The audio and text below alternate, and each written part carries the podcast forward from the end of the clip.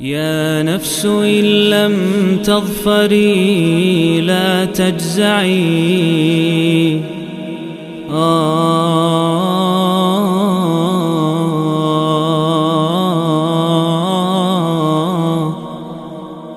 بسم الله الرحمن الرحيم. الحمد لله والصلاة والسلام على رسول الله. أما بعد Lanjut kembali serial 114 hari menyambut bulan Ramadan Dan kali ini bersama surat ke-36 Surat Yasin. Surat ini Surat Makkiyah Turun setelah surat Al-Jin Dan turun sebelum surat Al-Furqan. Dan sekali lagi saya ingatkan bahwa ketika saya tidak menyebutkan surat ini Turun sekaligus atau tidak maka berarti turunnya tidak sekaligus. Karena yang turun sekaligus hanya 11 surat sangat sedikit sehingga tidak saya sebutkan dan yang sudah lewat dari surat-surat tersebut baru dua yaitu surat Al-Fatihah turun sekaligus dan surat Al-An'am turun sekaligus selain itu semuanya turun berangsur-angsur terdiri dari 83 ayat surat ini bertema besarkan kebenaran hari berbangkit. Kebenaran hari berbangkit.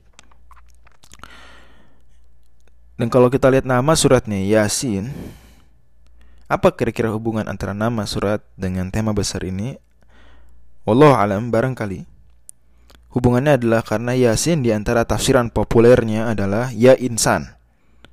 Yasin di antara tafsiran populernya sebagaimana ditafsirkan Ibnu Abbas dan sahabat-sahabat lain dan para tabi'in ya insan Wahai manusia. Dari satu sisi ini panggilan kepada manusia yang mereka harus bertanggung jawab dan akan menerima konsekuensinya ketika mereka dibangkitkan. Wahai manusia, sadar dan seterusnya. Ingat, e, di sisi lain juga kata insan itu akar katanya sekali dari salah satu pendapat yang populer dengan ulama adalah dari, dari kata nasia, dari kata Nasi artinya lupa, lalai. Soalnya ketika Allah manggil Yasin, ya wahai manusia, dan seterusnya dan seterusnya surat ini disampaikan sampai akhir. Isyarat wahai manusia kalian ini akan menghadapi konsekuensi hari berbangkit dan kalian sayangnya kalian ini pelupa, kalian ini lalai dari hari berbangkit tersebut. Wallahu a'lam Dan yang membuat kita semakin yakin bahwa memang tema besar surat Yasin adalah kebenaran hari berbangkit ada banyak bukti di surat ini dan di luar surat ini. Di surat ini misalnya Allah Subhanahu wa taala ya di ayat ke-12 berfirman tentang penghitungan amal. Inna nahnu nuhyil mauta dan tentang menghidupkan yang mati. Wa naktubu ma qaddamu. Pencatatan amal wa atharuhum wa kullu syai'in ahsaynahu fi imamin mubin. Kami hitung. Ada pencatatan amal, ada penghidupan setelah mati dan ada pe penghitungan amal.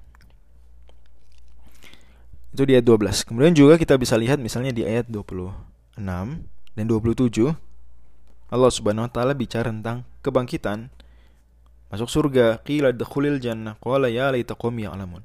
Jadi orang yang datang dari pojok kota tersebut, ujung kota, wajah min aqsal madinati rajulun yas'a kan pada akhirnya dibunuh ya sama kaum gitu nah itu kemudian dia surat yasin Allah ceritakan dia masuk surga. Qila dakhulil jannah dikatakan kepadanya masuklah surga.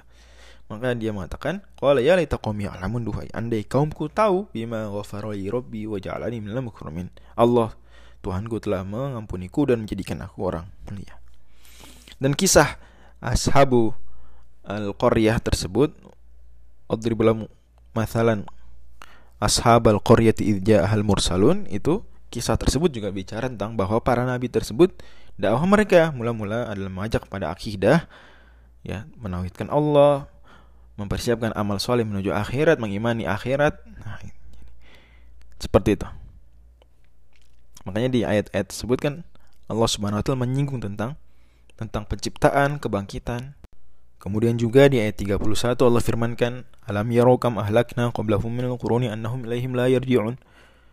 Bahwa kalian tidakkah mereka melihat itu bahwa umat-umat sebelum mereka yang sudah dibinasakan mereka nggak balik lagi ke dunia, nggak reinkarnasi. Tapi mereka siap menunggu untuk dibangkitkan kelak di akhirat sama-sama dengan kalian semua untuk menanggung konsekuensi amal perbuatan. Tentang kebangkitan, hari berbangkit. Ya pun ayat-ayat sebelumnya tentang hukuman bagi ashabul Qur'ah tadi dengan satu teriakan seolah ya kalau mematikan orang banyak dalam satu teriakan saja mudah bagi Allah apalagi menghidupkan mereka semua ya. Dengan satu teriakan pun itu ya mudah pula.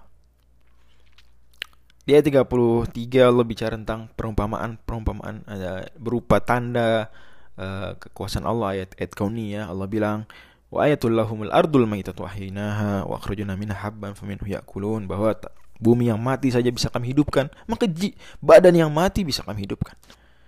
Ayat 33 begitu ayat 30 seterusnya. Dan surat 39 Allah Subhanahu wa taala menyebutkan tentang bulan yang tadinya kecil, kecil terus lama-lama jadi purnama lama-lama kemudian jadi kecil lagi. Ya itu manusia seperti itu. Oleh kecil tumbuh tumbuh remaja pemuda dewasa ya sempurna kemudian menua membungkuk bahkan mengering bahkan. Kalau urjuanil qadim seperti pelepah kurma yang mengering menunduk dan kering dan keriput. Ya Allah sangat persis. Allah Subhanahu wa taala juga firmankan di ayat uh, selanjut selanjutnya tentang uh, surga neraka uh, juga tentang uh, pelaporan amal bahwa anggota tubuh kita akan bicara. Ya, kemudian Allah berfirman ayat 68 ayat yang sangat luar biasa wa man nu'ammirhu nunakisu fil khalq afala yaqilun? Barang siapa kami panjangkan umurnya kami kembalikan penciptaannya seperti kali pertama. Apakah mereka tidak berpikir ini anak kecil jalan susah. Orang sudah lansia pun jalan susah. Anak kecil mohon maaf ya. Mungkin akramakumullah buang air. Ya sulit dikontrol seperti itu. Atau butuh dibantu. Sama lansia. Ya Allah semoga Allah jaga. Seperti itu. Kemudian di halaman terakhir semakin jelas tema besar tentang kebenaran hari berbangkit. Allah sebutkan di ayat 78 wa darabalana mathalan wa nasiya khalqa. Ada orang yang bawa perumpamaan buat kami dia ambil tulang. Orang musyrik maka kemudian dia hancur-hancurin tulang itu depan nabi. Kata dia bisa nggak Tuhan menghidupkan lagi tulang yang sudah hancur seperti ini. Kata, kata Allah Subhanahu wa taala, "Qala man wa romim." Dia bilang bahwa siapa yang bisa menghidupkan tulang ini selama sudah hancur lebur? Kata Allah, "Qul yuhyil ladzi ansha'ahu wal mar wa huwa khalqin alim" dan seterusnya. Juga tentang kun fayakun begitu mudah bagi Allah. Makanya wajar surat Yasin ya disunahkan dibaca kepada orang yang mau meninggal kata Nabi dalam hadis riwayat Abu Daud, "Iqra'u ala mautakum Yasin." Wallahu a'lam